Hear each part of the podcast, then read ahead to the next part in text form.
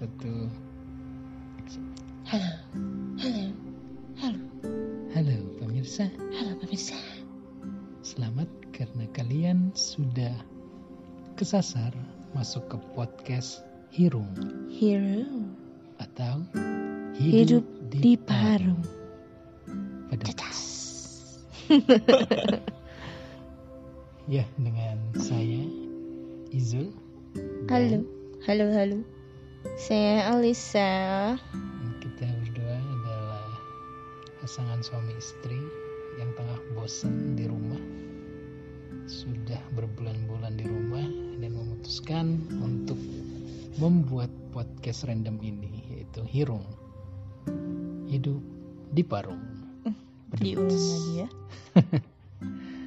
di Jadi- atas. Kita sedang di atas kasur, tapi tidak berbuat yang tidak-tidak.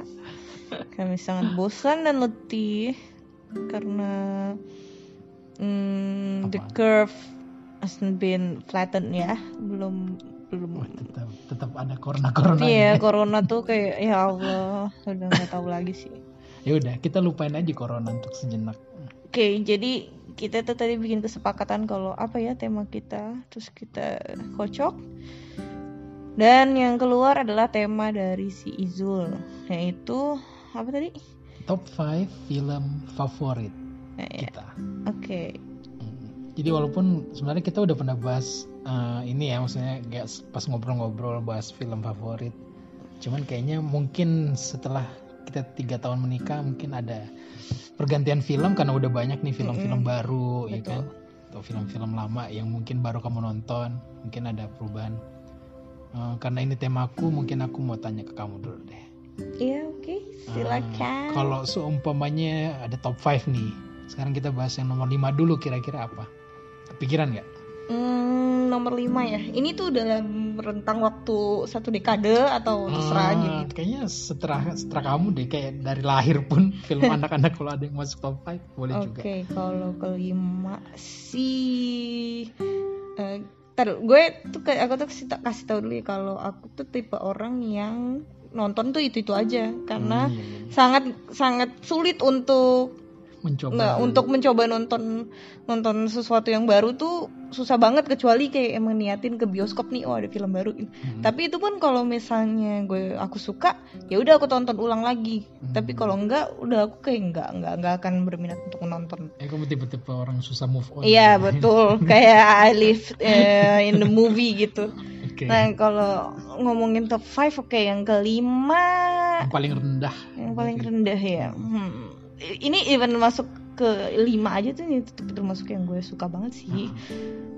Hmm, wait up, wait up, wait up. Kayaknya apa ya?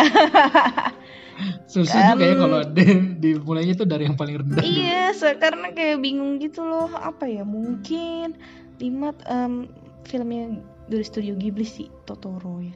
Totoro. Uh-uh. Oke. Totoro tuh aku My Neighborhood Totoro. Ya, My Neighborhood Totoro. Itu Kenapa kenapa itu film Totoro itu berkesan banget buat kamu sampai masuk ke top 5? kayak gini, jujur nih ya, gue nggak nggak growing up with that movie, with with. Jadi kan ketika Itu waktu kerja, ya. ah, itu kan film udah lama banget. Terus waktu kerja tuh yang kita sekantor ada satu teman kantor yang bilang "Lah, udah nonton kan lo pasti udah nonton kan eh, film-film Ghibli ih belum pernah tapi emang dari dulu tuh suka Totoro cuma nggak tahu maksudnya nggak pernah nonton Cuma tahu karakter cuma tahu Totoro. karakternya dan kayak mau nonton di mana juga nggak tahu gitu kan itu kan itu kan bukan yang yang dibeli sama stasiun TV terus ditayangin gitu Iya. di stasiun TV. kayak Hmm. film Barbie kan nggak Iya, gitu atau kan Doraemon the Heeh. Movie kan tayang iya film Jepang. ini kan enggak jadi ketika anjir gue belum pernah nonton nih. Oh ya udah deh gue nonton. Terus, ih ternyata ih bagus banget ya berkesan ya ternyata eh, ada satu film yang yang buat semua orang berkesan karena mereka eh, menjalani masa kecil dengan film itu. Terus kayak gue baru nonton dan gue juga suka jadi rasanya kayak ya udah gue grow up juga sama film itu gitu. Padahal enggak. Dan dan setiap nonton eh, My Neighbor eh, My Neighbor Totoro itu kayak kayak kebawa ke masa kecil padahal Hmm, iya, iya. enggak gitu padahal enggak maksudnya ya waktu kecil nggak nonton itu Jadi kayak lucu sebenarnya aja. kayak sayang banget gitu ya. Sebenarnya Totoro ini film film yang udah lama. Iya. Mungkin ini film masa kecilnya anak-anak ya Jepang tahun gitu ya. 90-an hmm. Tapi entah kenapa eh, di Indonesia tuh kita balas tahunya tuh pas kita udah gede dan Iya. film itu sebenarnya udah bertahun-tahun yang lalu. Hmm, hmm. Oke, jadi eh, apa-apa yang bikin berkesan? Apa karena itu dia ringan, terus kayak eh, match aja sama masa-masa kecil kamu atau gimana? Hmm, sebenarnya kalau dari apa ya kalau dari moral kayaknya enggak juga ya kayak gue gue tuh selalu punya pendapat kalau film-filmnya Ghibli itu enggak enggak enggak terlalu apa ya em, apa sih istilahnya kayak Berat terlalu gitu. enggak enggak terlalu ngasih em, dia tuh sangat imajinatif ya Hmm. sangat imajinatif banget kayak mungkin kalau diterapkan ke ke ke kehidupan sehari-hari kayak apa yang bisa diterapin gitu Oh, jadi kayak Nggak. bukan bukan menggurui gitu ya? Iya, bukan menggurui kan kalau kayak Doraemon aja nih. Dikit-dikit Kita di moral. iya ada pesan moralnya. Tapi kalau Ghibli tuh ya Emang imajinatif. ini aja. opini gua aja ya, kayak itu kayak ya udah imajinatif kayak gitu biarpun Hmm. uh, belakangan orang itu kayak Princess Mononoke gitu kan. Hmm. Itu kan arti apa uh, katanya uh, terinspirasi dari uh, kayak manusia itu merusak alam kayak Hmm. gitu-gitu kan. Tapi kalau pas nonton tuh nggak kepikiran. Pas pas nonton tuh kayak pikirannya ya udah itu tuh imajinatif gitu. Hmm. Jadi eh, nonton Totoro tuh bukan yang gue eh, Yang harus mikir. aduh, Nah, aduh tuh gue tersentuh banget hati gue karena begini. Eh, sebenarnya enggak. Karena Dia senang ya, aja. ya karena menyenangkan aja nontonnya. Totoronya kan lucu. Terus Cuto, Cutoro ya, Cutoro mah tuna bukan sih nggak tahu apa tuh yang kecil-kecil Totoronya lupa gue. Mini. Wih, Totoronya tuh lucu banget. Terus ya udah sih kayak karena karena gambarnya juga bagus kan. Hmm. Jadi kayak kes- kesannya tuh yang bikin gue pengen buat ke Jepang tuh itu kayak. Oke. Oke. itu sih. Kalau kamu apa? Aku yang, Yang nomor, nomor lima. limanya ya. Iya. Hmm, yang nomor limanya kayaknya sih aku tuh film ini deh uh, Jurassic Park. Hah? Iya. yang Oh, Jurassic, Park, ya. Iya, mungkin mungkin kalau Yang boleh ya? kalau boleh kayak digabung gitu kayak Jurassic Park 1 2 3 sih ya. Yang jadul ya, bukan Hmm, bukan hmm. Kalau yang bukan baru tahun kan 2000-an. World. Iya, terus Iya kan kenapa kenapa Jurassic Park karena menurut menurut aku tuh kayak pas di zaman aku kecil itu tuh nonton Jurassic Park itu eh, dinosaurusnya tuh kayak beneran beneran nyata seperti Hmm, itu hmm, nggak kelihatan kalau itu adalah efek murahan gitu loh. karena kan eh, lately akhirnya aku tahu kalau kebanyakan dinosaurus dinosaurus yang pas zaman Jurassic Park 1 2 3 itu kan mereka bikin dari robot gitu kan yang kayak Iya, rangkanya betul. robot Bukan terus CGI, kayak iya, iya, ah, iya. dan bukan CGI Ya kayak Star Wars kan sama cuman kan sih kalau gitu. Star Wars eh, zaman dulu kan kelihatan banget tuh kayak eh, ini ini mainan yang dikasih latar gitu kan. Cuman kalau Jurassic Park tuh nggak kelihatan Iya, gitu sampai iya. akhirnya tuh kayak dapat tegangnya aja Mhm. menurut aku ya. Kayak dapat tegangnya. Mulai dari yang pertama bahkan walaupun yang pertama sama ketiga itu jaraknya cukup jauh, eh, Mhm. aku nggak tahu eksak eh, tahunnya cuman eh, itu tuh kayak meningkat aja gitu Mhm. tingkatnya dan itu kan ceritanya masih nyambung ya. Mhm. Jadi jadi kayak suka banget gitu lah sama Jurassic Park. Hmm, Itu Steven Spielberg pun sih Iya Ya Steven kan ya? Spielberg ya betul. Iya ya. Iya. Iya sih, oke banget Steven Spielberg. Ah. Cuma aku dulu tuh nggak bukan yang karena bukan yang nggak suka ya, tapi kayak nggak banyak nontonnya sih kayak eh, nonton yang pertama doang. Hmm, hmm. Padahal itu sering banget loh diputar Iya. di TV gitu kan. Iya, ya, aku kan lagi-lagi bukan tipe orang yang Iya, suka iya, nonton iya. TV kan. Ah, ah. Maksudnya suka Ataupun nonton terpaut TV. pada Iya. satu film Iya, terus- yang random aja iya, gitu. terus kayak nonton kalau misalnya orang tuh bilang, "Ih, di ini kan ada di TV." Aku tuh gak jarang nonton gitu loh, kayak Hmm. oh ya udah. Kayak orang nih, orang-orang tuh pada aneh banget karena aku belum pernah sama sekali nonton ADC. Oh, Iya kan? Kayak. "Hah, lo gak pernah nonton kan di TV sering?" Tapi kayak ya enggak aja karena pada saat ADC itu tayang pertama kali, Hmm, aku kan masih kecil kan. hmm. Terus aku tuh dari dulu emang gak suka film-film kayak gitu. Maksudku ketika aku masih kecil ya aku nontonnya nonton film anak-anak Oh, gitu. iya, iya. Bukan yang uh aku mau ganjen enggak deh, enggak ganjen maksudnya kayak nonton ADC nah, ketika orang-orang suka dan ketika besar ke bawah jadi Ah, yang jadi nggak minat aja. sesuai umur aja. Heeh. Oke. Iya. Hmm. Lagian oh, oh, kenapa waktu itu aku jadi suka eh, apa Jurassic Park itu karena dulu tuh eh, Oma tuh almarhum Oma tuh punya eh, buku pendidikan sejarah gitu kan dan ada yang prasejarah Iya, Uh, dinosaurus uh, ya. dan di situ tuh emang ada gambar banyak banyak banget gambar-gambar dinosaurus dan menurutku apa yang ditampilkan di buku itu sama yang ditampilkan Steven Spielberg di film Jurassic Park itu mirip banget gitu. Klop gitu Uh, uh, ya. Jadi imajinasinya tuh well dapet aja. researched ha, ha. juga.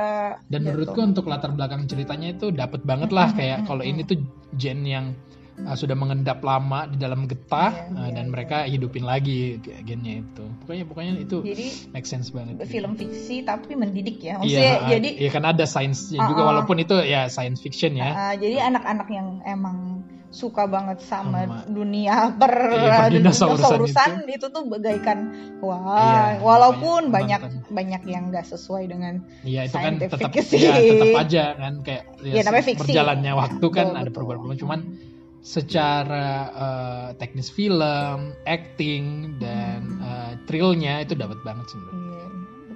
Jadi itu masuk lima besar gue. Oke. Oke lanjut. Terus kalau nomor empatnya, nah, bingung lagi. bingung loh. lagi aku tuh mau bilang Star Wars ya Heeh. tapi tuh kayak bingung Star Wars yang yang mana Ah. trilogi yang mana gitu Hmm. trilogi yang dulu oke karena ya the first Star Wars gitu ya Mm-mm. tapi eh,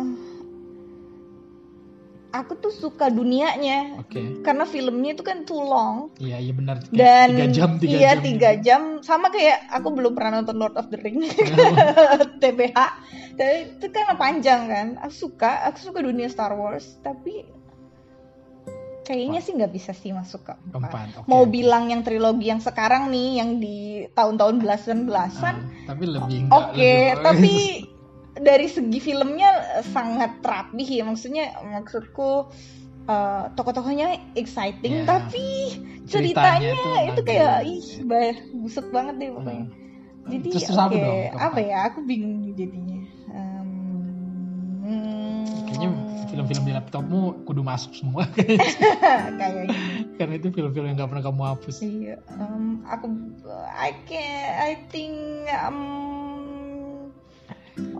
chocolate mungkin Oh, Chocolate. Oke. itu kalau nggak salah tahun 2000-an itu yang, filmnya itu yang mana sih? itu yang ini loh yang dia ini eh, ibu dan anak perempuannya yang mereka berkelana ke desa-desa gitu Hmm. terus mereka eh, di film ini tuh lagi menetap di eh, suatu daerah di Prancis dan ternyata daerahnya itu konservatif gitu Oke. sementara mereka ini kan keturunan Mayan ya Oh. terus mereka buka chocolatier itu loh Hmm. toko coklat Aku udah pernah nonton. Udah dong, masa sih yang ada Johnny Depp-nya jadi Gypsy. Iya, jadi tuh terus eh, si eh, si Vivian ya namanya kalau nggak salah deh nama ibunya. Jadi dia ini buka toko coklat eh, di saat yang bersamaan di desa itu tuh lagi kalau nggak salah Passover ya. Apa Hmm. sih yang kalau nggak apa eh, puasa sebelum Paskah ya? Iya, itu iya. puasa 40 hari kalau nggak Hmm. salah ya. Maafin ya kalau gue salah, tolong dikoreksi. Eh jadi, nah itu kan kayak, strict banget gitu loh di Ah. situ konservatif. Terus ada Terus? kepala desanya, kepala desa apa wali kota, aku lupa deh. Iya, iya. Oke gitu, eh, dia eh, orang-orang apa orang-orang di sekitar desa itu tuh awalnya tuh kayak merasa ini orang aneh banget Ya, orang karena Mayan ini. orang Mayan ini karena dia kan nggak ke gereja, Oh, iya, iya. terus mereka nggak beragama Ah, ah, seperti mereka- orang-orang di kota. Heeh, karena mereka kepercayaannya beda Ah. gitu kan. Terus kayak dianggapnya, terus em, di desa itu tuh gypsy tuh dianggap musuh, ya bukan musuh ya kayak "Ih, Kayak apa dukun sih? nih. Iya ini orang Kayak tuh sini dukun sampah gitu. lah Ah, gitu. Kayak Terus- kafir. Iya, iya kayak gitu. Terus tapi si si ibu anak ini justru kayak ayo gypsy ya mesti kayak mereka ber, bersahabat dengan gypsy terus mereka mengubah hidup orang-orang di sekitarnya tuh dengan coklatnya Coklat. gitu. Dan coklat maya itu Iya, dari dia iya Maya. kreasi-kreasinya Oke. dia gitu. Ada yang bahkan kayak dia ngeliat nih eh, ada satu ibu yang kayaknya lesu-lesu gimana, eh, terus dikasih coklat ini, gue kasih nih buat suami lu gitu, Hmm. buat awaken the passion gitu kayak. Ternyata emang benar permasalahannya adalah di Di kehidupan seksual, seksual, oh, iya. Terus dikasih coklat itu suami Hmm. jadi nafsu dan mereka tuh jadi bahagia, jadi Oh. sering datang ke toko coklat itu buat beli. Hmm. Ya kayak gitu deh mengubah mengubah hidup di sekitarnya dan dan akhirnya mengubah hidup si kepala desanya itu Oke. yang tadinya keras gitu. Pokoknya gimana coklat eh, itu bisa mengubah Uh, orangnya. uh, Pokoknya intinya uh, seperti uh, itu. uh, uh. Iya iya betul. Da- Dan btw nih film favorit gue tuh selalu yang berhubungan dengan makanan karena kayak ya emang dunia Karena gue. menginspirasi kamu dengan duniamu ya, Mm, yang, banget, banget. yang pokoknya berhubungan Mm. dengan makanan. Jadi coklat itu pertama kali nonton tuh itu karena aku tuh nyari daftar film yang berhubungan dengan, makanan. Oh, dan, Dan akhirnya itu masuk diarahin ke situ aku nonton anjir bagus banget aku suka dan sampai sekarang tuh kalau lagi lagi apa nggak nggak enak gitu ya hati ya udah nonton ulang Nonton lagi aja bahkan kayak cuma ngelihat mereka dia tuh dia dia juga yang ngajarin aku untuk film itu tuh ngajarin aku untuk bikin hot chocolate pakai chili Hmm, chili iya, iya. powder Oke. gitu itu kan khas Ya, Mayan oh, banget jadi kan menginspirasi juga untuk resep-resep Ah, masakan ah. kamu sekarang ya. Oke. Em, ya itu apa eh, patut sih untuk masuk di eh, keempatmu. Oke, kenapa kamu mau berak? Oke, kalau gitu karena Alisa yang mau berak, kita break dulu dan akan masuk ke top 3-nya setelah itu. Oke, kita balik dari break. Sekarang eh, kita akan masuk kamu ke- dong Oh iya ya, aku belum ya. belum Oke, aku belum yang keempat belum ya. Kalau aku urutan keempatnya hmm, kayaknya The Patriot. Kamu tau nggak filmnya Mel Gibson? Aku belum nonton. Belum tahu ya. Jadi bagi yang belum tahu, The Patriot itu eh, filmnya tentang eh, kalau nggak salah ya itu tentang Perang Dunia Pertama.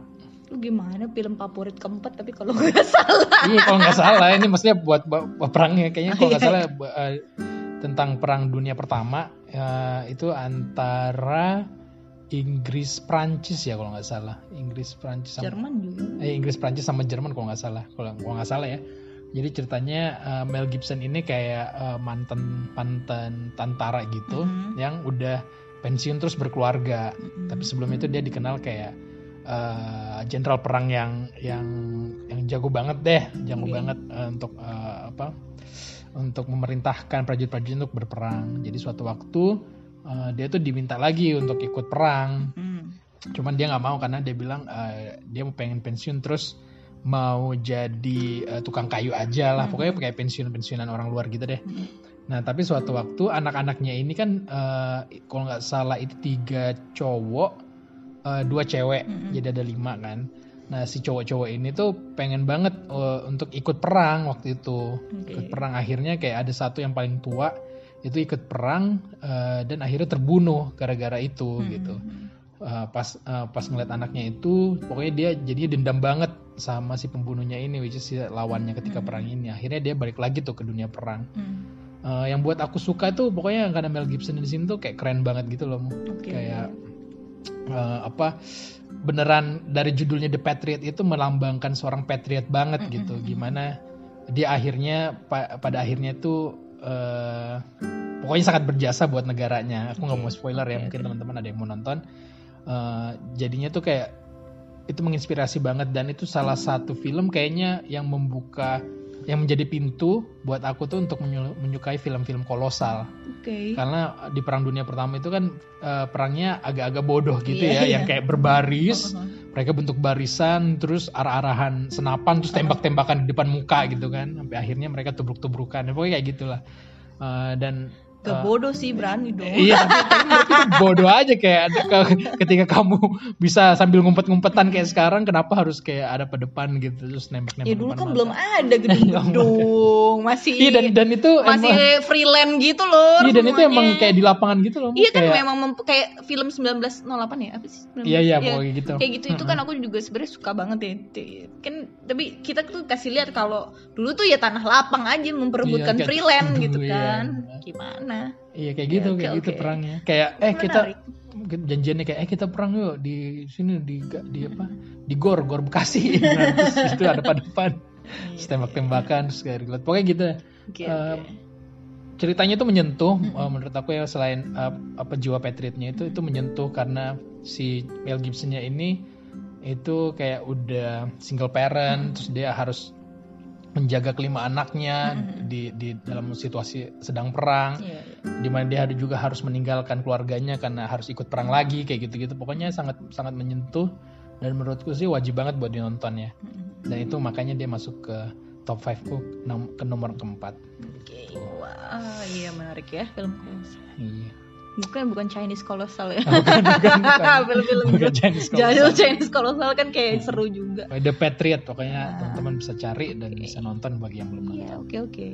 nah kita masuk nih Ketiga, ke aduh top tiga 3 besar nih Kayak semakin ngomongin na- naik ke atas tuh semakin bingung. Tapi gitu tapi apa. eh, sampai sekarang tuh di Kualamu udah ada belum sih yang kayak top one-nya siapa?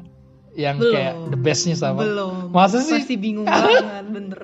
Karena aku aku juga orangnya gampang tersentuh jadi kayak bingung.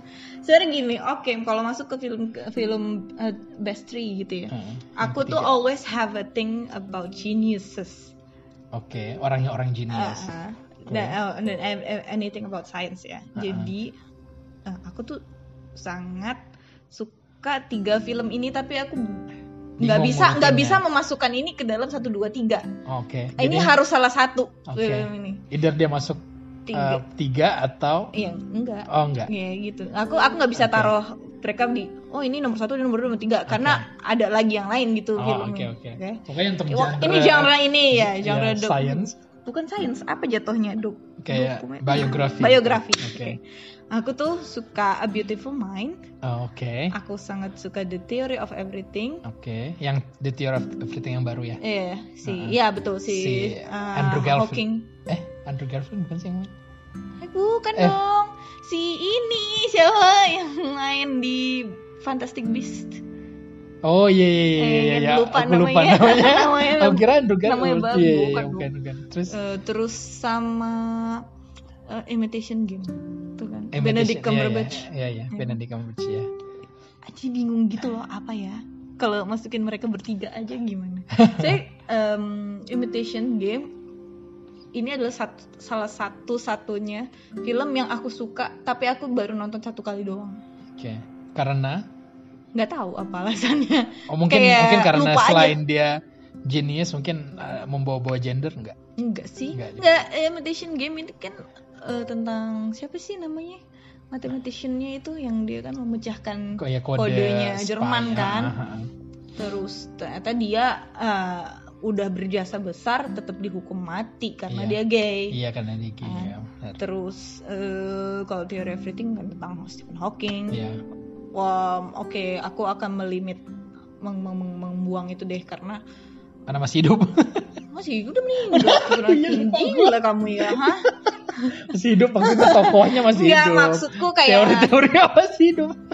mm, karena enggak terlalu banyak lebih banyak berbicara tentang si si si dirinya Stephen Hawking ya. Oh, daripada apa yang apa yang dikerjakan Hmm. gitu. Walaupun ya, ya Limit gitu. oke Ah. dibuang. Oke, dari dua. Um, Beautiful Mind. Beautiful Man keren sih. Kayaknya A Beautiful Mind deh. Aku Ah. masukin nomor tiga. Oke. baru kemarin Baru kemarin, kemarin rewatch. Karena eh, aku pertama kali nonton ini di HBO. Oke. Pasti nemunya random gitu Iya, kan. random. Terus kayak "Ih, ini tentang apa? Gitu. Hmm. Terus sangat dia kan dari awal kita lihat dia punya teman si Charles itu, Hmm. terus dia dapat misi eh, mecahin eh, kode. Heeh. Terus sampai akhirnya kita tahu kalau ternyata dia schizophrenic. Terus itu tuh kayak wow, wow. Itu tuh ter- tertutupi dengan sangat baik sih. ya. Iya, dan apa yang maksudnya diwujud biasanya kan film-film biografi itu kan shit banget ya, shitty Iya, banget iya. ya, pokoknya jelek gitu ya bosen, menurutku. Heeh. membosankan. Tapi ini tuh bisa dibikin drama gitu, Hmm. kayak ah, kenyataannya, kenyataannya kayak gitu, tapi dibikin film tuh keren banget nih sih. Iya. Dan Kayak dan si, siapa yang main Ra- Russell Crowe? Russell Crowe. Russell Crowe itu emang bagus banget sih Iya, aktingnya ya. iya, betul. Maksudnya sebagai orang siapa? Skri, si Schizophrenic. Schizophrenic. itu bagus banget aktingnya dan emang dapat banget sih, dapat banget. Ya, Russell Crowe sangat cop, TOP by getting. Oke, oke. Kalau kamu Tiara Nomor tiga. A Beautiful Mind. ayo, Tiara everything beautiful main, masya Allah. Oke ya, kalau aku ketiga ya, Hmm, kalau ketiga itu kayaknya kamu udah sebutin tadi sih. Uh, itu The Lord of the Ring, either Oke. itu prequel atau sequelnya. Oke, iya iya iya. Karena itu yang aku bilang tadi kenapa The Patriot ini buka akhirnya menjadi pintu. Aku tuh suka mm, sama film-film uh, kolosal Mm-mm. karena di The Lord of the Ring pun ini kan kolosal gitu. Oke. Nah, walaupun di film yang pertamanya itu eh kolosal tapi kayak cuman intro aja, Mm. tapi yang kedua ketiganya itu tuh keren parah sih. Mm-mm. Makanya kayak kamu kemarin cerita kamu belum nonton tuh kayak "Wah, sayang banget. Ah, gue tuh suka banget sama fiksi ya. Buku-buku gue hampir Iya, semuanya fiksi. fiksi. Tapi Lord of the Ring adalah satu-satunya buku dan film yang gue belum tonton. Nggak tahu kenapa sampai sekarang tuh belum ada niat aja untuk nonton itu. Padahal kayak Lord of the Ring tuh pembuatnya eh, J.R.R. Tolkien Iya, iya. itu bersahabat banget sama si C.S. Lewis. Which is C.S. Lewis itu adalah penulis favoritku Hmm. dan kayak uh, si yang bikin Narnia. Na- Narnia itu banyak banget terinspirasi dari Lord of the Ring. Oke. Gitu. Aku tuh suka banget ini kamu The Lord of the Ring ini karena masalah companion. Oke. Jadi eh, dari awal film, awal film 1 2 3 itu kan eh, awal film sequel kemudian kemarin dibuat lagi untuk prequelnya. Itu tuh semua tentang membahas tentang companion bagaimana ada sekelompok orang yang terpilih gitu ya, yang yang ditugaskan untuk menjalankan suatu misi gitu. Ya walaupun di film pertamanya sebenarnya misinya simple eh, tapi sulit gitu kan. Pokoknya itu jadinya seru banget dan ada Eh, dan menurutku sih itu ceritanya masih bisa banget dikembangin karena itu kayak hmm, kayak eh, si The Lord of the Ring 1 2 3-nya itu ceritanya emang di tengah-tengah. Kemudian prequelnya itu emang dari awal mulanya. Oh, kayak Ah, Star Wars jadi ya. kayak kakeknya, kakeknya si Frodo ini ah, yang main di di prequelnya tiga film itu. Dan dan maksudku tuh untuk selanjutnya itu masih bisa banget dikembangin sejauh itu gitu Mm, mm, mm.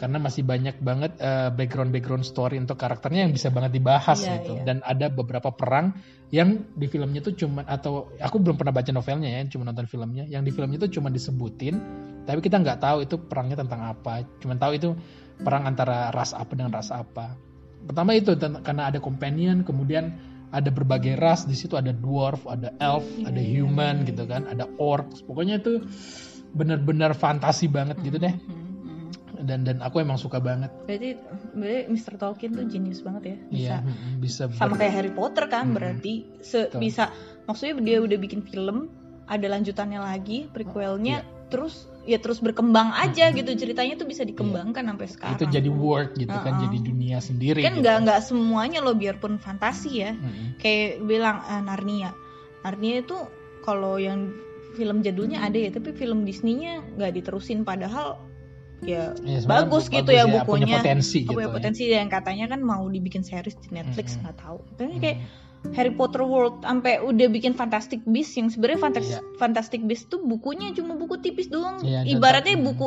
pelajarannya si Harry Potter ceritanya Ah, ah, gitu ya, kan tentang tapi bisa dikembangin hewan-hewan iya fantasi. dibikin uh, Wizarding World-nya sampai ada bahkan sampai ada ininya ya ada term partnya iya ya. iya Wizarding Ah, World itu iya iya, kan jadi kayak wah ya genius aja Hmm. idenya seger kan berarti dari sebuah novel bisa dikembangin ke jadi banyak apa pun karya iya gitu. betul betul banget Ya, emang emang sih emang aku juga salut banget sama penulis-penulis yang keren kayak gitu. iya Itu dia nomor tiga ku.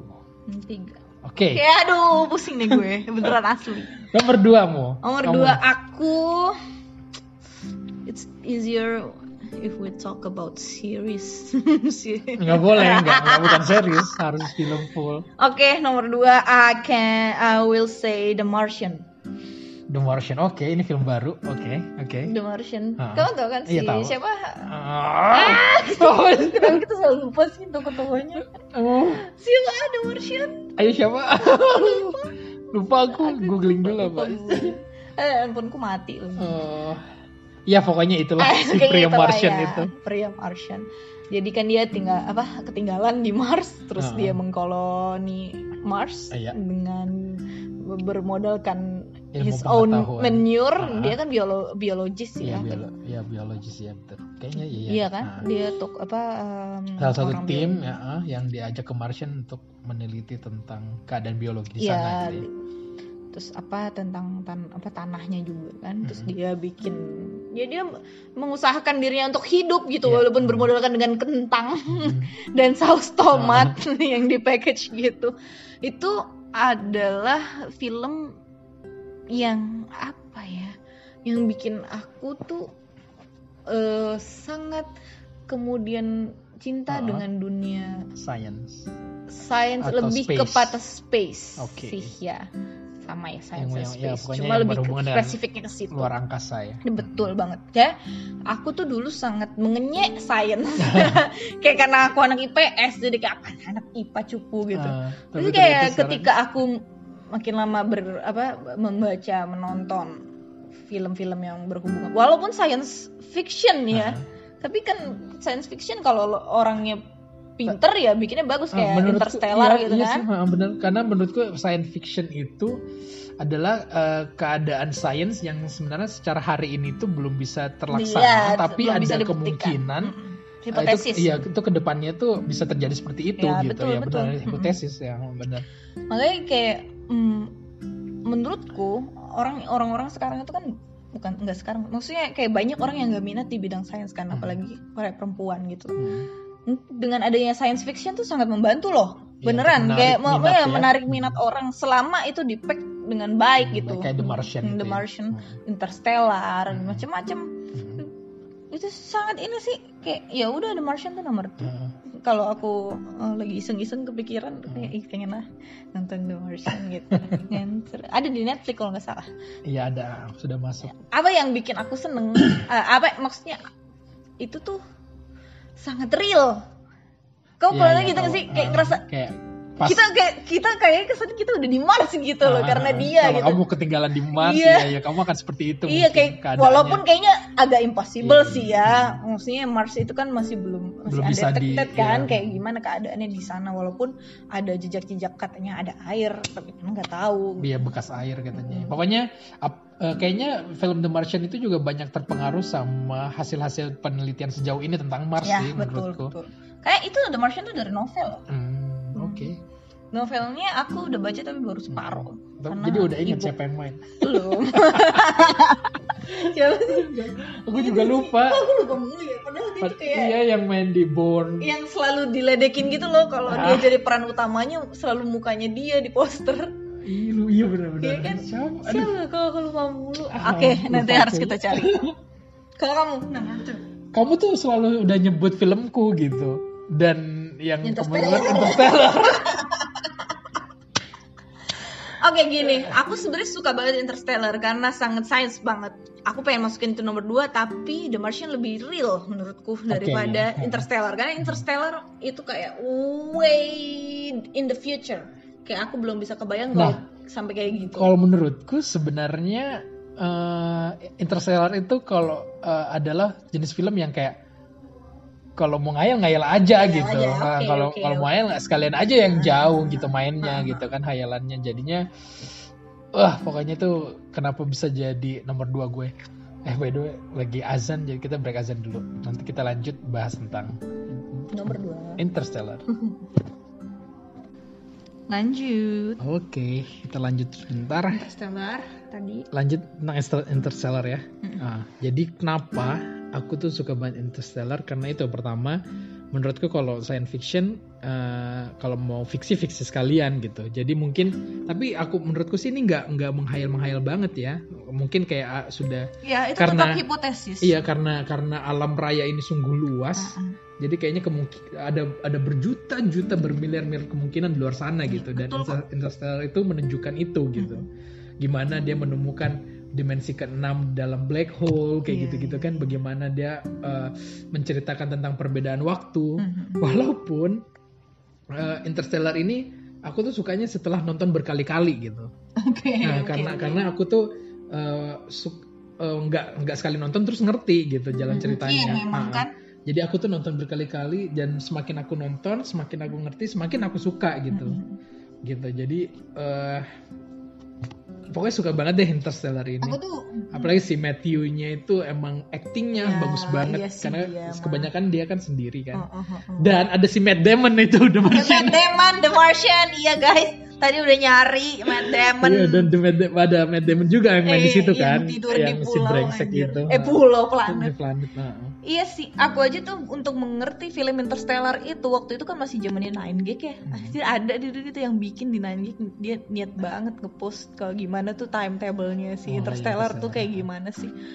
Sebenernya aku sih waktu itu nggak nonton di bioskop ya Hmm. karena pada saat itu Interstellar tuh cuma sebentar loh di bioskop seingat aku ya. Nggak Hmm, nyampe satu nggak- bulan. ya, nggak nggak nyampe satu suka. bulan. Tapi kalau film-film space gitu ya aku inget yang kemarin apa Astra eh siapa sih yang main Brad Pitt. Yang main berat itu sampah banget sih. Ada Astra, iya Astra. Astra ya bener ya. Heeh, kayak nama motor Ceritanya gitu. nggak banget tapi visualnya oke. Iya, oke secara parah. visual. Oke parah. Heeh. Aku tuh Walaupun nggak sukanya karena kayak mereka occupied bulan, terus di sana ada pembajak Iya, luar kayak- angkasa kayak maksudku lu ngapain? Maksudnya pembajak mau ngapain gitu Iya, loh di di, di bulan space gitu. tuh. Terus pas awalnya awalnya dia jatuh dari apa space station itu kan Hmm. eh, kayak nggak kenapa juga harus jatuh Iya. gitu apa-apa. Itu, itu tuh kayak nonton apa film-film Marvel gitu ya, Iya. beneran yang menghayal gitu. Cuman ya, Tapi bagus sih. iya oke sih. visualnya. Heeh, cuman aku nggak terlalu suka aja. Walaupun soundnya sangat membosankan. Iya. Bikin di, kita tidur kan Iya, ya di bioskop waktu itu. Tapi begitu aku nonton ulang eh, visualnya sih memang dapet Hmm, banget. Kayak eh, dia ke Uranus ya. Iya, ke Uranus, Uranus kan yang terakhir kan. Heeh. Itu cantik sih, iya Nah, cantik cantik. sih. Sangat. Iya. Oke. Sama kok itu Interstellar juga aku suka karena dia kan ke beberapa planet gitu kan dan Hmm. di situ dia jelasin kalau oh bahkan mereka tuh dari pindah ke dari satu galaksi ke galaksi yang lain Iya, ya pakai iya, betul. uh, pakai Ih, pesawatnya eh, ada juga tuh yang yang film film film space yang sampah banget. Aku lupa judulnya apa. Gravity. Eh, Gravity ya? Gravity tuh- Bu, itu Gravity masih ini kan. Iya siapa Aja lagi lu lupa mulu lu, astaga yang main di The Proposal. Eh, iya yang cewek Eh, siapa namanya Sandra Sandra Bullock Bukan, yang main si kalau nggak salah yang main Deadpool sih.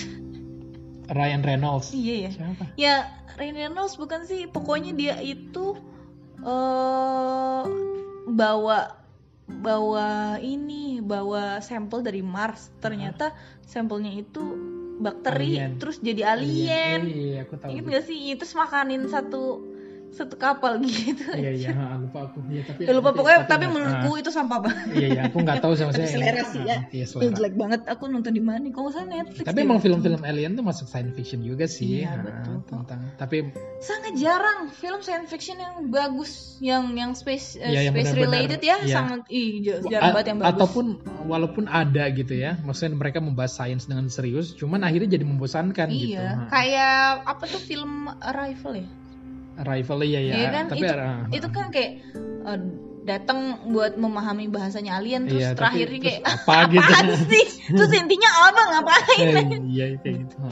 Jadi eh, menurutku masih eh, so far film space yang megang banget emang baru dua itu Iya, baru Interstellar itu, sama, The Martian, ya. Nah, Sebenarnya Gravity, Gravity menurutku juga oke sih, tapi emang ceritanya sesempit itu aja gitu Hmm. kayak uh, satu orang di uh, space station Hmm. dan terus ada trouble mereka uh, dia harus pulang dengan sendiri Iya. pokoknya itu kayak ya terlalu terlalu uh, dia dapat thrillernya dapat cuman secara sains keseluruhannya emang kurang, Kurang. aja gitu Oke. oke itu dia Iya. untuk film film spaceship Gimana nih? Yang pertama nih. Hah? Duh, oke bingung aku. Uh, tapi kamu udah ada belum di kepalamu apa Nggak gitu? ada banget. Oke, banget. nomor satu nih. oke gimana kalau kalau kita aku hitung satu dua tiga terus kita sebut Aduh, nggak bisa, nggak bisa. aku tuh bingung banget asli beneran. Oke, jadi aku boleh nggak kalau film pertamanya tuh ada dua film? Boleh nggak? Wow, tapi harus harus ini top best of the best loh. Kayak harus masa sih dari dua itu harus kamu harus compare. Oke, gini aja deh. Aku ini film nomor satuku, tapi aku punya comfort movie ya, Ah, comfort Nah, movie. ini deh special mention. Special mention, oke.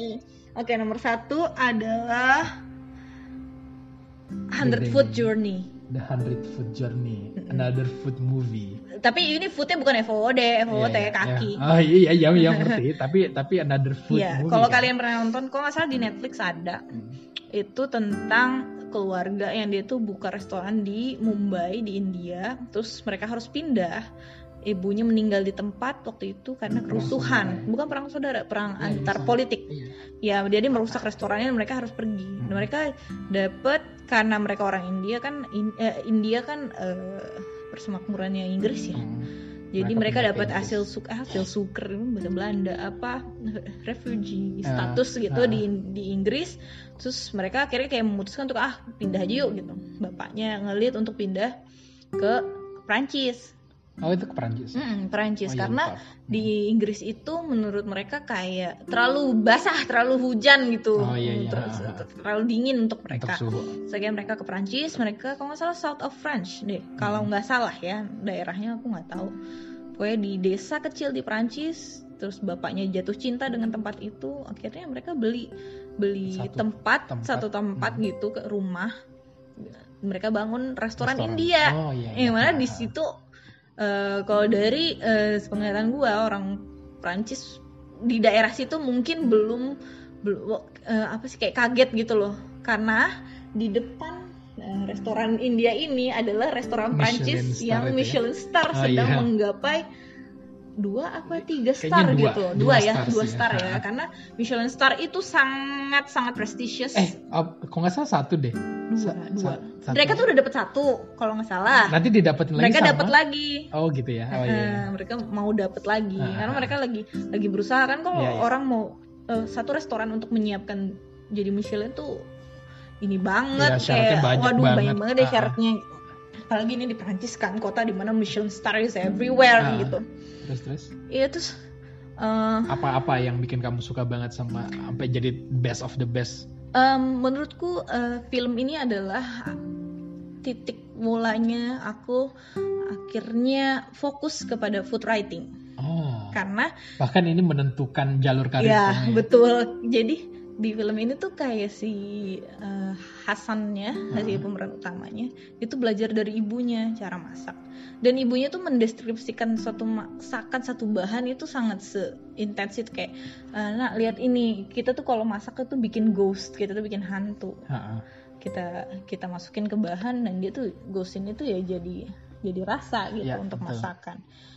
Menurutku eh, film ini menggambarkan makanan dengan indah sih Oke.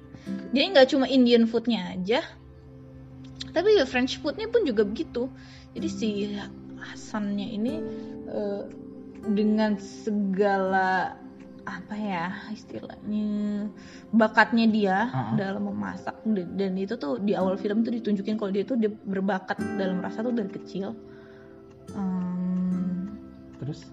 apa terus abis itu ya bakatnya eh, bata, terbatas dong karena kan dia kan sangat fokus sering fokusnya di masakan India kan Iya. Pokoknya dia, dia mereka, mereka ini sekeluarga cuma tahu masak masakan India. Iya, tapi ternyata Hmm, tapi ternyata ketika dia uji coba dia bisa masak masakan Perancis dan itu enak gitu. Oh, dan akhirnya dia tertarik untuk masak. Ya pokoknya kan kuliner mereka tuh Prancis. rivalry gitu kan restoran ini berdua. Jadi bersaing ya. eh, eh, yang punya restoran ini kan ibu-ibu gitu ya, Iya. ibu-ibu janda gitu. Terus kan bapaknya nggak Hasan kan iya, Pak Hasan kan janda, ja- duda juga. Duda.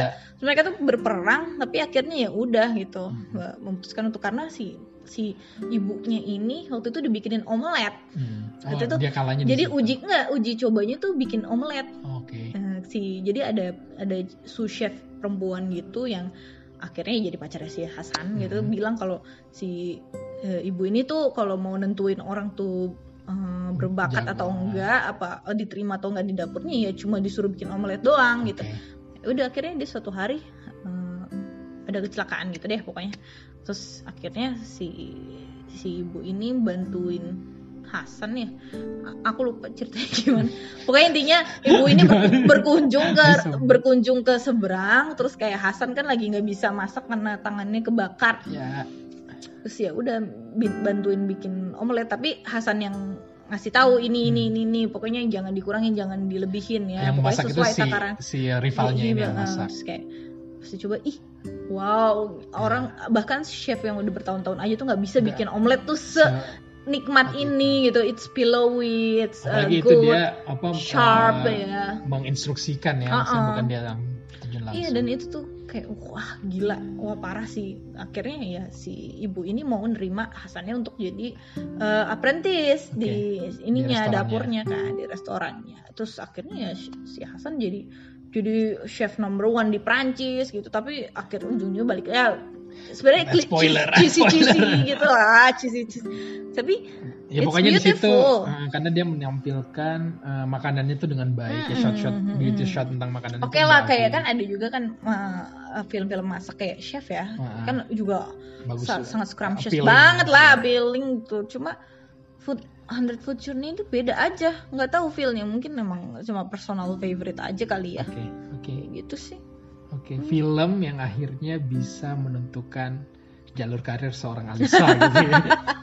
Oke, itu itu ya pantas padahal sih masuk. padahal dia tuh nggak jadi food writer loh di situ tapi Iya. jadi chef gitu cuma tapi menginspire iya karena karena mereka mendeskripsikan makanannya itu yang bikin aku loh Bisa iya loh ya, bisa- makanan tuh bisa harus- bikin kita tuh terharu karena deskripsinya gitu. Ha-ha. dan pekerjaanku pekerjaanku food writer ini yang yang berjasa atas Ha-ha. hal itu Oke, oke. Dari deskripsi aja kamu bisa uh, merasakan gitu Iya, ya enaknya suatu betul. makanan. Oke. Nice. oke kalau kamu nomor satu aku tahu Iyalah pasti kamu udah tahu karena aku udah sering banget bilang ke kamu kalau ini tuh Favorit. film favorit aku yaitu tidak lain dan tidak bukan The Secret, Life of Walter Mitty. Dan aku setuju sih. Kalau kalau aku nggak pernah nonton film lain, aku akan jadikan Secret Life of Walter Mitty itu itu juga number Best one. Iya, apa eh, menurutku ini film eh, bukan suatu film yang yang apa ya, yang yang heboh gitu Iya, ya. iya betul banget. Ini ini bukan kayak eh, the most eh, high budget movie, Iya. bukan. Ini juga bukan film eh, dengan apa sih? Dengan pemeran-pemeran Oscar Hmm. yang pemenang-pemenang Oscar bukan juga, tapi entah kenapa The Secret Life of Walter Mitty yang dimainin oleh Ben Stiller ini itu sangat apa ya sangat keren terutama dari eh sisi juga yang produksi loh. iya dia juga dari jadi seorang produsernya kan apalagi dari sisi sinematografinya Ah banget, Iya. Banget, banget. banget, ini banget, ini film yang bikin gue pengen banget ke Iceland. Mm-mm. karena Cantik banget. Iya, cantik Nggak banget. ngerti lagi gue. emang emang keren banget sih Iya. eh, apa pengambilan Gue rasa banyak orang yang nonton ini juga pengen ke Iceland karena Iya. Sebenarnya perkenalanku sama The Secret Life of Walter Mitty ini mulai dari pas aku kuliah mau waktu itu kan ambil IKP kan. Iya. Ya dan anak-anak Oh IKP ini ini 2012 ya Iya, filmnya. dan anak-anak IKP ini kalau setiap ada film baru keluar itu pasti langsung heboh, apalagi kalau saat udah ada satu IKP itu apa kakak? Jelasin Industri dong. kreatif penyiaran itu salah satu jurusan di Kom UI waktu itu. Jadi waktu itu eh, akhirnya anak-anak udah heboh tuh pagi-pagi eh, ngomongin tentang The Secret Life of Walter Mitty kan. Eh, terus karena waktu itu aku mahasiswa yang susah, yang kere, lagi akhir bulan, akhirnya waktu itu aku nggak nonton, aku skip tuh, aku skip cuman Oh dengar sempat ada kehebohan. di bioskop ya? Iya, masuk bioskop Oh. tapi nggak lama kalau nggak salah. Eh, terus eh, nggak lama eh, aku akhirnya bisa nonton tapi versi bajakannya sangat disayangkan. Parah banget. ya namanya juga mahasiswa waktu itu ya. Hmm. Jadi akhirnya aku nonton tuh di situ dan itu suka banget. Sukanya tuh karena eh, The Secret Life of Walter Mitty ini menggambarkan kalau sebenarnya eh, seorang pria dewasa pun itu masih nggak pa nggak apa-apa itu loh untuk berimajinasi gitu. Daydreaming. Eh, untuk untuk daydreaming gitu. Hmm. Karena itu eh, menurutku ya kalau sekarang-sekarang ini itu bisa menjadi suatu eh, pelarian kamu sejenak dari dunia di- di- dari dunia nyata gitu. Mhm. Uh, dan dan menurutku nonton The Secret Life of Walter Mitty ini nggak berat. Jadi sebenarnya ini kayak film drama, tapi menurutku tuh touching banget ke aku gitu karena deep gitu, deep Uh, tentang bagaimana dia akhirnya me- mengarungi apa keliling keliling dunia itu hanya demi tugasnya sebagai seorang pencetak foto di Times waktu itu ya, Hmm. Times Magazine yang akan berubah menjadi Times Digital dan dan ya itu eh, dan menurutku tuh, tuh keren Iya, banget sih kayak Ini tuh kayak in search of himself gitu nggak sih? Iya, Kayak ha-ha. dia tuh udah 40 tahun, dia nggak tahu, dia masih single, dia Kerjanya dia kerjanya begitu. gitu aja. Terus dia tuh nggak pernah keliling dunia. Iya, dia Padahal pernah- dia diharapkan oleh bapaknya nggak sih yang bapaknya ngasih ngasih buku jurnal itu Iya, loh untuk keliling dunia travel kan. nah, ini Iya. bisa kamu isi Nah, gitu kan ya. bisa isi. Terus ya kayak pesan yang aku tangkap sih biarpun lo udah umur 40 tahun mau 50 Iya, tahun kalau can stop you, iya guys. nothing can stop you fr- from searching your passion gitu Ah, ah. Dan dan maksudku akhirnya si eh, si Walter Mitty ini tuh tertrigger gara-gara dia suka sama seorang Iya, wanita doang iya, gitu iya. dan yang bu akhirnya buat buat dia berani itu karena si cewek ini ada terus di imajinasinya dia gitu. Dan dia. dan yang paling aku suka banget lagi tuh adalah Scene-nya. apa eh, soundtrack soundtracknya, Iya os sih. osnya, original soundtracknya. Major Tom Nah, iya, Major parah. Tom a- ataupun umpamanya yang bersifat cuman musikal-musikal doang ya dan itu itu itu tuh Sangat kayak pas. gambar yang baik eh, ketemu dengan eh, musik yang baik Betul. dan menghasilkanlah The Secret Life of Walter Mitty. Iya. Jadi buat buat teman-teman yang memang belum nonton Harus wajib banget banget nonton. sih nonton. Iya. Itu tuh ringan, tuh film keluarga bisa ya di dinonton. Netflix ya kayaknya belum Kayaknya ada. belum ada, belum ada.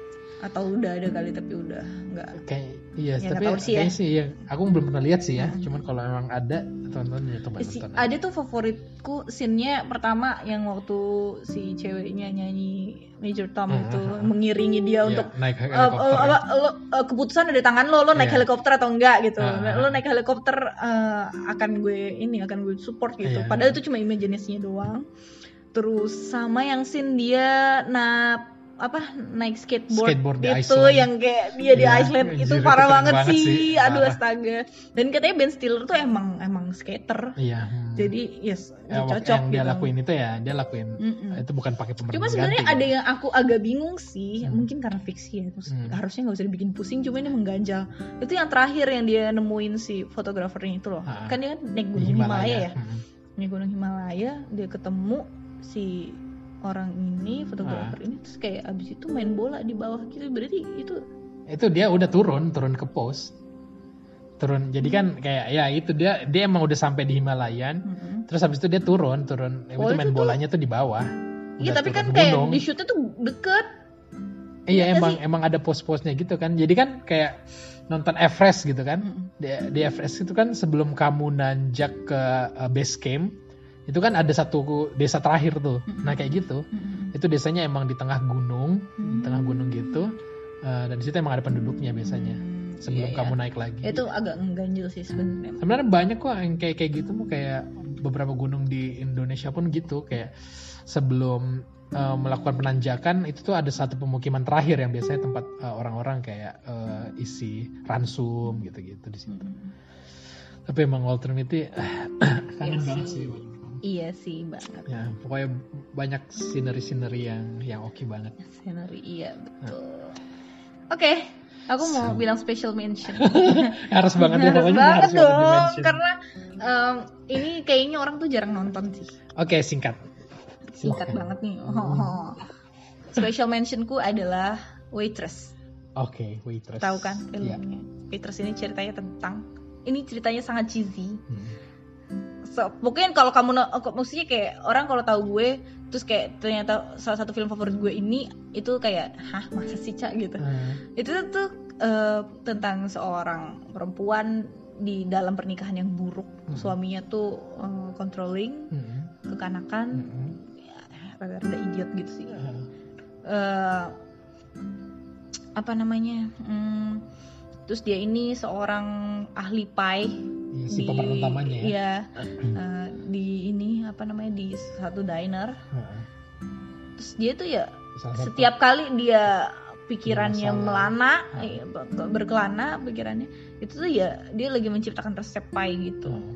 Terus sampai akhirnya terus dia hamil karena waktu itu dibikin mabuk sama suaminya. Sebenarnya dia nggak mau dia tuh mau kabur dari suaminya tapi tertahan karena hamil. Dia tuh tadinya nyembunyiin kehamilannya sampai akhirnya Tahu. kan suaminya. Ya udah terus dia tuh benci banget sama si uh, jabang bayinya karena uh, Kayaknya you are the reason iya gue tuh nggak jadi kabur tapi ya udahlah gitu. Terus ternyata pas lahir eh dan dan dia selingkuh sama dokter obijinnya gitu Bu.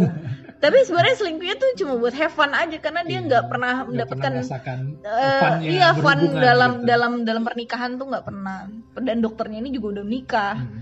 Sama-sama selingkuh. mm-mm, sama-sama selingkuh terus ternyata pas lahir dia tuh lihat anaknya dia jatuh cinta sama anaknya Ya yang tadinya dia dan dia punya kekuatan akhirnya untuk bilang ke suaminya kalau Ah, dia meninggalkan lo semua ya gue mau cerai ya. gue nggak mau bahkan kan pas kerja Bahkan- di dining pun sebenarnya dia nggak terlalu suka sama bosnya nggak sih sampai akhirnya dia beranikan diri untuk cabut terus dia tuh eh, apa namanya dia juga memutuskan untuk nggak mau lagi selingkuh Iya, Jadi kayak iya. udah gue nggak butuh Ah, nggak yang gue butuh. butuhkan adalah anak gue Nah, sekarang nah. gitu.